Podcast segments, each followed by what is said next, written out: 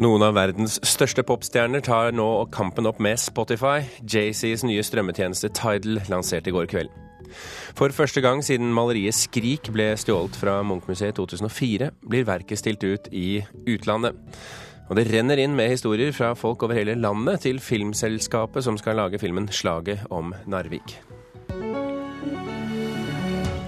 Det er saker du får i Kulturnytt i dag, i tillegg til en god del musikk. Du får Kulturnytt med Birger Kolsrud Aasund i studio.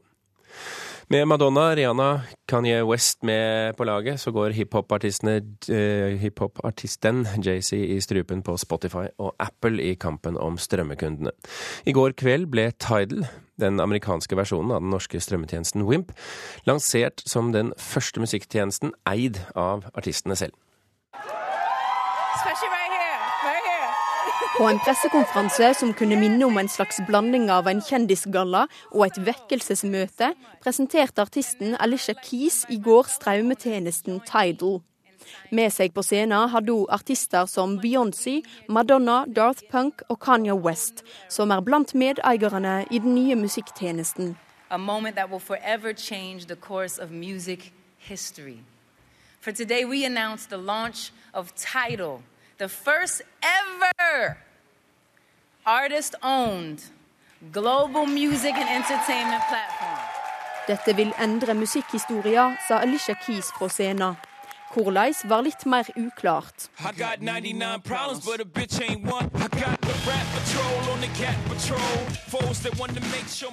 Tidal er en nyoppussa amerikansk versjon av tidligere norskeide Wimp, som hiphop-artisten JC kjøpte av Schibsted tidligere i år for 56 millioner dollar.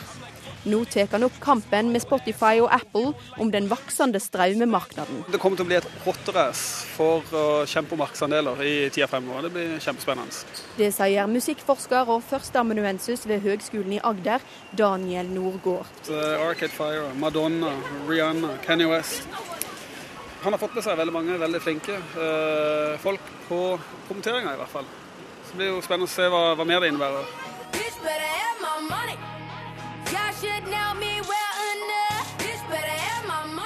Ifølge New York Times satser Jay-Z's strømmetjeneste på å tilby musikk eksklusivt til abonnentene. F.eks. ved å legge ut et nytt Rihanna-album lenge før konkurrentene. Dette kommer til å bli veldig spennende å se på hvorvidt de forskjellige strømmetjenestene og forskjellige plattformene øh, henter inn spesielle kataloger for å få publikum uh, over. Og Da er vi jo egentlig litt på sporet bort til det som skjer på film med Netflix og, uh, og HBO f.eks. Hvor de presenterer kun deler av hele repertoaret. At JC har de største popstjernene med på laget, kan bli en fordel i kampen mot Spotify men det er ikke nødvendigvis noe fordel for forbrukerne, sier Nordgård. Jeg, tenker at det ikke er et fullgodt uh, tilbud uh, til publikum. Uh, at det vi har hatt i hvert fall fram til nå da, på musikk, er et bedre tilbud. at man har en univers tilnærmet universalkatalog tilgjengelig.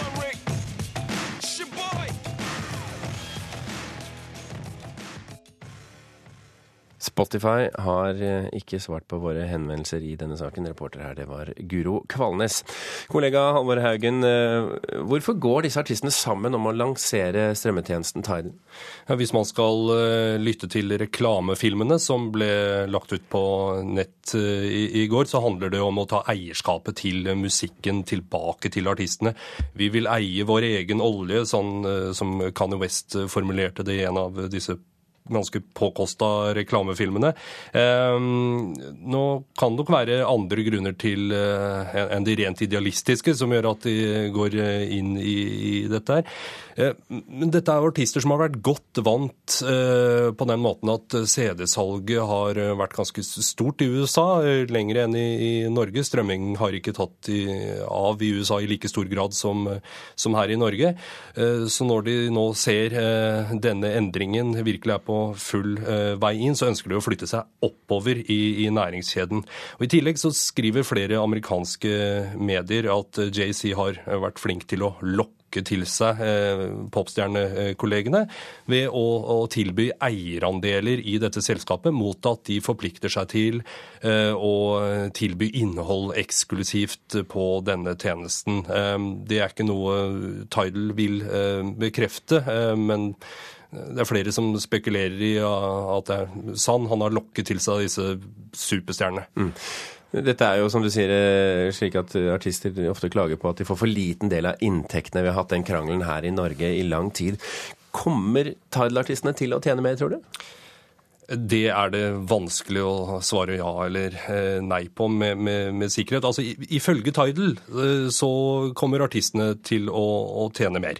Um, og det er nok også et godt salgsargument, uh, fordi Spotify har vært i hardt vær i USA. Taylor Swift er en av dem som har gått hardt ut mot Spotify. Spotify. Trukket alle sangene sine også? Der. Ja, fordi de ikke gir da nok penger tilbake, ifølge Taylor Swift men det som Altså, jeg har vanskelig for å se for meg at eh, det umiddelbart blir en, eh, hva skal vi si, en gullgruve eh, for alle disse artistene. For det er få av disse strømmetjenestene som har klart å tjene noen særlig penger. Altså dette markedet som består av ca. 40 millioner betalende abonnenter globalt. Ehm, eh, de, altså, det er ingen som har klart å gjøre noen stor butikk eh, på de abonnentene eh, ennå. Sånn at de er også nødt til å tjene penger, Tidal. Vi får se hvordan dette vikler seg ut etter hvert. Vi skal nok sikkert få rapporter ettersom tiden går, og det en, om det blir en suksess eller ikke. Halvor Haugen, takk for at du kom i studio.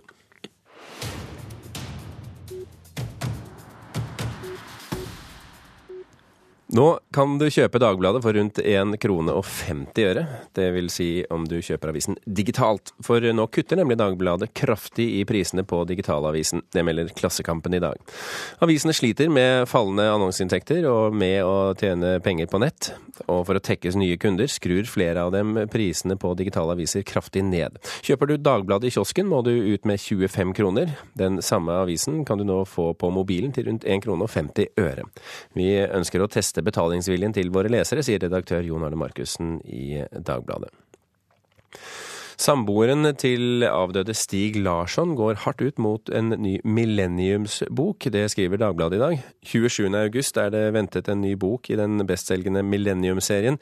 Forfatteren av de tre første bøkene, Stig Larsson, døde i 2004. Og den svenske forfatteren David Lagerkrantz, som blant annet har skrevet boken om Zlatan, Jeg er Zlatan, han står bak den autoriserte oppfølgeren. Boken har fått tittelen Det som intet døde er oss. Stig Larssons samboer Eva Gabrielsson har lite til overs for prosjektet, og i et intervju med nyhetsbyrået AFP uttaler hun at dette handler om et forlagshus som trenger penger, og en forfatter som ikke har noe å skrive, så han kopierer noen andre. For første gang siden Edvard Munchs Skrik ble stjålet i 2004, blir verket stilt ut i utlandet. I morgen åpner utstillingen Nøklene til lidenskap i Louis Vuitton-museet i Paris, der de mest sentrale verkene innen modernismen skal vises frem. Denne utstillingen for så vidt bekrefter jo det vi allerede vet, at 'Skrik' er et sentralt moderne verk, eller et sentralt verk i den moderne kunsten. Ja, Så sier Jan Ove Steihaug, avdelingsdirektør for utstillinger og samling på Munch-museet, og som fantes på plass i Paris når man på Fondation Louis Vuitton tok imot pressen i går. Altså, Det er jo en eh, utstilling som har som premiss at den skal vise noen av de fremste uh, verkene i den moderne kunsten fra begynnelsen av 1900-tallet. Men eh, det er eh, installert på en litt spesiell måte her, med en veldig fin eh, slags nisje bygget inn. og så det står veldig godt fram. Det gjør det. 'Skrik' er det enda verket av Munch her på utstillingen, og som er åpen mellom den 1. april til den 6. juli. Dette er det private Konstpalatsets tredje utstilling siden det åpnet i høstes. I sex salar finns originalverk av Picasso, Kandinsky og Gallen Kallela. På veggen henger også Matisse tavla Dansen og noen av Monets nekrosmålningar. Men det er i särklass Munchs Skrik som er den tavla som vekker mest uppmärksamhet. Som bekant er det ikke ofte Munkmuseet lånar ut Skrik og det anses derfor være en stor ära att få ha den her på plats i Paris. Susanne Paget är Louis Vuitton-fondationens konstnärliga chef. Hon säger att utgångspunkten för utställningen är att visa några av modernismens konstnärer som radikalt ändrat konsthistorien. Och hon menar att om man bättre förstår gårdagens konst så kan man förhoppningsvis bli medveten om varför dagens konst är utformad som den är. Suzanne Paget hoppas också att besökaren ska ta tid på sig för att verkligen titta på alla de fantastiska verken. Qu'il faut savoir regarder l'art. Et l'art, ça se regarde dans un dialogue qui suspend le temps. Og reporter i Paris, det var Johan Tolgert. I den syvende filmen i serien Fast and Furious har eh, produsentene strammet voldsskruen enda et par hakk, og filmen er enda mer avansert teknisk enn de tidligere utgavene. Utover det skjer det ikke så mye uventet i Fast and Furious 7. Og det skal det heller ikke gjøre, ifølge vår anmelder Einar Gullvåg Staalesen.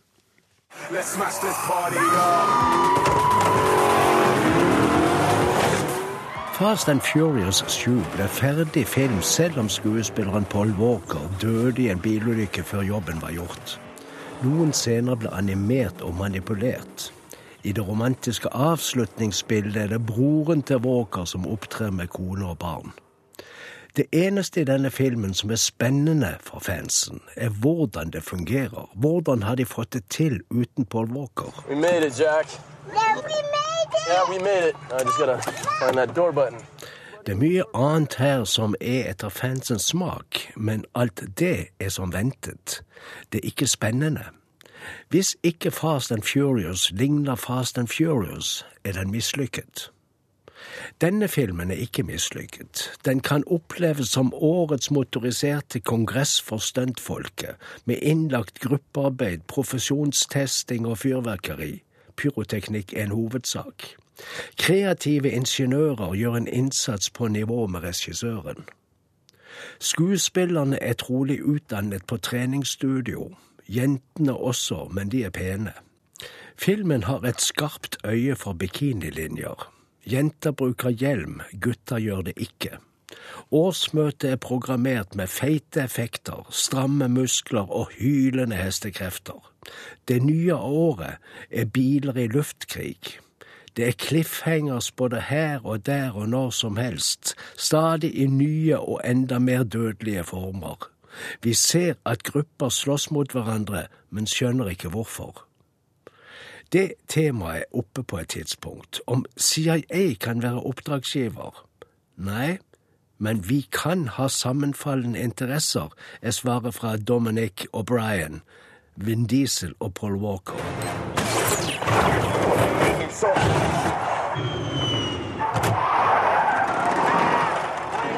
Det er krig i mange former, mest på hjul. Slåssing med alle midler er morsomst, men slåssingen med bare nevene er det minst imponerende som filmarbeidet denne gangen.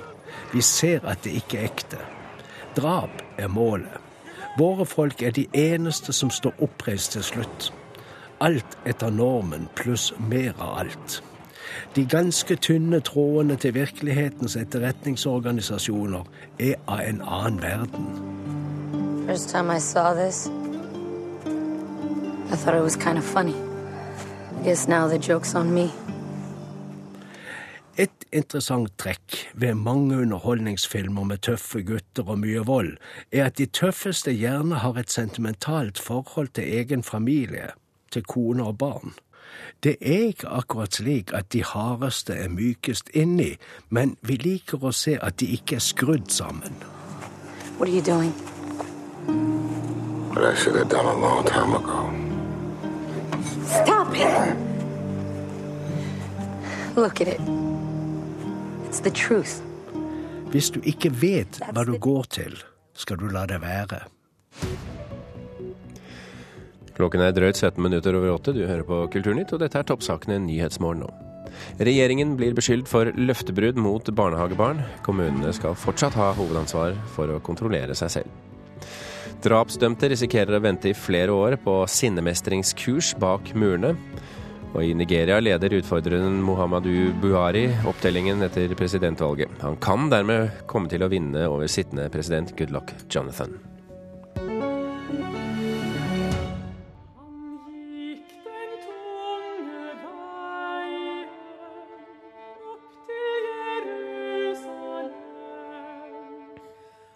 Påskemusikk har en tendens til å begrense seg hovedsakelig til nye innspillinger av Bachs storslagne personer og et knippe andre verker fra vestlig kunstmusikk. Dette ønsker den norske mezzosopranen Marianne Beate Kielland å gjøre noe med. Og på albumet Påsketid har hun samlet musikk til de ulike dagene i påsketiden, bl.a. Egil Hovlands salme 'Han gikk den tunge veien', som vi hører her. Anmelder Øystein Sandvik, eh, hvordan har eh, dette resultatet blitt? Det er blitt en eh, plate som behandler påsketematikken på en fin og veldig skikkelig måte. Marianne Beata Kielland er en av våre ledende barokksangere, også leadsangere.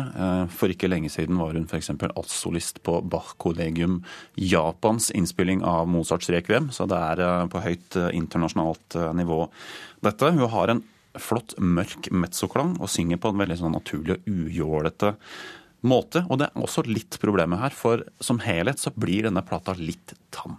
Men Hva slags musikk snakker vi om her, egentlig? Dette er i all hovedsak en uh, salmeplate, uh, hvor da tekstene uh, handler om påsketematikken. og Kielland har også med seg Oslos domorganist Kåre Nordstoga på orgel, som vi hørte her, og også Elise Båtnes, konsertmester i Oslo Filharmonien. Det er topp folk, men de klarer ikke helt å løfte dette repertoaret det ekstra hakket opp. Det blir litt enkelt og streit. Eh, og Det gjelder også kanskje de to mest kjente numrene på denne plata, som er en arie fra Hendels Masias, og ikke minst da Erbarme dich, den mest kjente melodien fra Matteus-personen av Johan Sebastian Bach.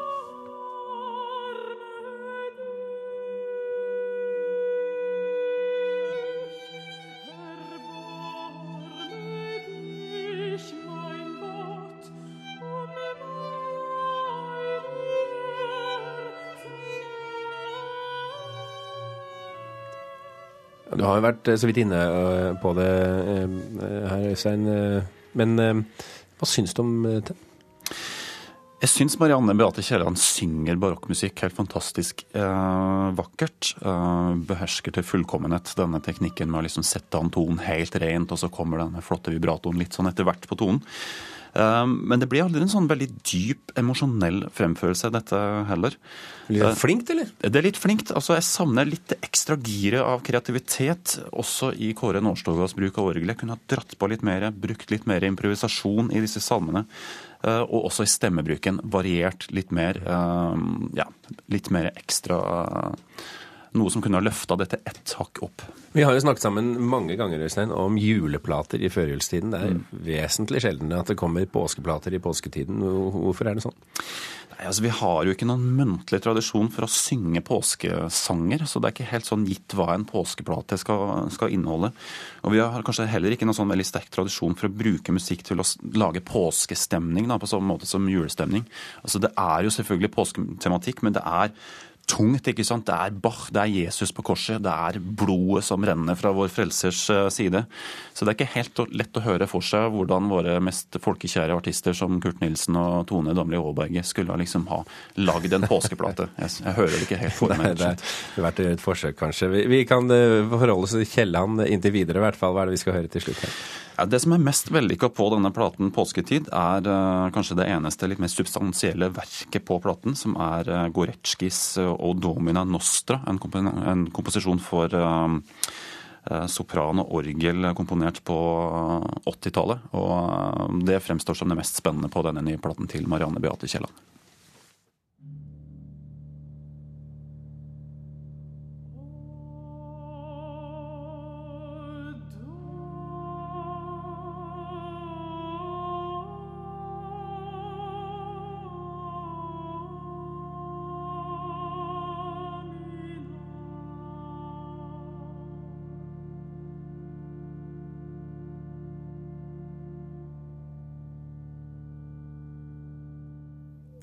Musikk av Henrik Goreski til slutt, O Domina Nostra, eh, som er et av de kuttene på Marianne Beate Kiellands CD 'Påsketid', som ble anmeldt her eh, i Kulturnytt av Øystein Sandvik, og som han mente var verdt å få med seg. Vi skal gi deg et lite tips eh, om et par minutter om alternativ påskemusikk, men vi skal innom Narvik først. Fordi det renner inn med historier fra folk over hele landet til filmselskapet som nå skal lage filmen 'Slaget om Narvik'. Filmen er på planleggingsstadiet, men produsentene får stadig nye tips og historier inn. Det som er artigst til nå, er jo å se den enorme responsen fra engasjerte mennesker rundt omkring faktisk i hele landet som har tatt kontakt med oss. Han er ansvarlig for spillefilm i Bodø-selskapet News on Request, som sammen med Målselv-firmaet Filmcamp har gått i gang med den store spillefilmen om andre verdenskrig i Nord-Norge. Foreløpig er arbeidstittelen 'Slaget om Narvik', forteller Tom Vidar Karlsen. Så jeg tror jeg har to fulle ringpermer med folk som har sendt mailer og tatt kontakt og gitt sitt navn om de vil være med og, og bidra, og sendt beskrivelser fra sine foreldre og besteforeldre. Så det har vært uh, utrolig interessant å gå gjennom og, og oppleve. Bomben er allerede om bord. Fergen forlot brygga for flere minutter siden. Scenen fra den nylige TV-serien 'Kampen om tungtvannet'. Den har igjen utløst en debatt om hvor de store og dramatiske krigshandlingene skjedde i Norge. Ikke minst i Nord-Norge har mange røster heva seg med krav om en spillefilm der kampene om Narvik får sin plass. Det kunne vært laga mange filmer om eh, krigen i Nord-Norge, og kampen om Narvik er jo en av dem. Narvik var viktig både for den tyske okkupasjonsmakta og de allierte pga. utskipninga av svensk jernmalm. I slaget om Narvik deltok styrker fra Frankrike, England, Polen og Norge, og påførte Hitler-Tyskland deres aller første nederlag under andre verdenskrig. For eh, filmskaperne er ikke poenget å ta stilling i historiekampen mellom Sør- og Nord-Norge, sier Tom Vidar Karlsen. Hvor politisk vi skal være og historisk statements og sånt, det, det er mer jeg usikker på med vår rolle. Jeg tror vi skal konsentrere oss om å lage en best mulig film. Og da tror jeg de fleste forstår at det som skjedde i slaget om Narvik, er, er, ja, vi mener det er den sterkeste delen av norsk krigshistorie fra andre verdenskrig. Spillefilmen om krigen i nord kan komme til å koste opp mot 200 millioner kroner, og filmskaperne tør i dag ikke antyde når den er ferdig. Og det sa vår reporter i nord, Arild Moe. Ja, Vi snakket altså om påskeplaten til Marianne Beate Kielland for noen minutter siden, og nå skal du få et alternativt tips til påskemusikk. Vi har nemlig kommet frem til del to i vår serie En musikalsk reise gjennom Jesu lidelse.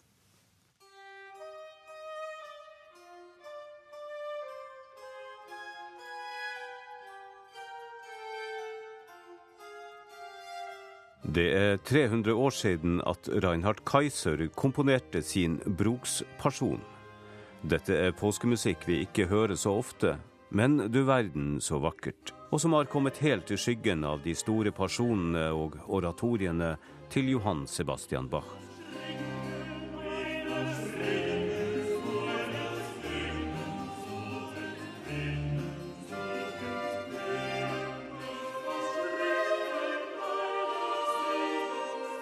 Reinar Kaiser komponerte sin Brukspasjon i 1712, samme året som Barthold Heinrich Bruks skrev teksten.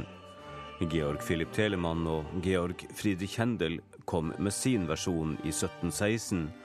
I 1718 komponerte Johan Matteson sin versjon, og i 1723 kom Brukspasjonen til Gottfried Heinrich Stølsel, en av de andre store og nesten glemte tyske barokkomponistene.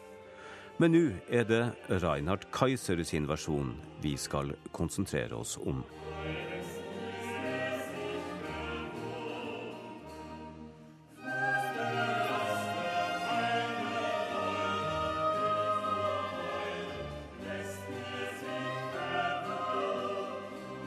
Barthold Heinrich Brox var en tysk forfatter og embetsmann i Hamburg, preget av en oppvåknende opplysningstid og det blomstrende kulturlivet i denne Hansabyen. Hans mest kjente tekst er denne pasjonsfortellingen om Jesus som lider og dør for verdens synder. Teksten består av bibelavsnitt fra pasjonsberetningene, reflekterende arier og kortekster. Åpningskoret angir hovedtema Jesus som dør for å dekke over mine synder med sitt blod.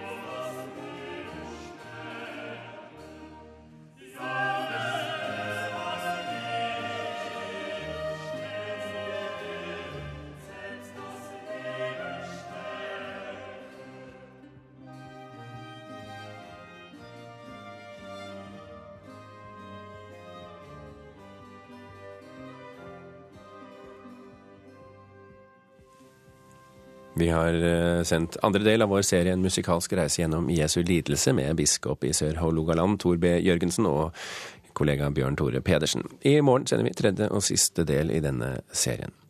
Kulturnytt er slutt. I dag har vi fortalt at noen av verdens største popstjerner tar opp kampen med Spotify.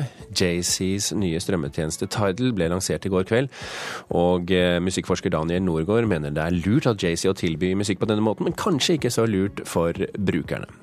Du kunne også høre at for første gang siden maleriet 'Skrik' ble stjålet fra Munch-museet i 2004, er verket utstilt i utlandet. Det er på Louis Vuitton-museet i Paris. Frode Thorshaug, Halvard Haugen og Birger Kolsrud Aasund takker for følget.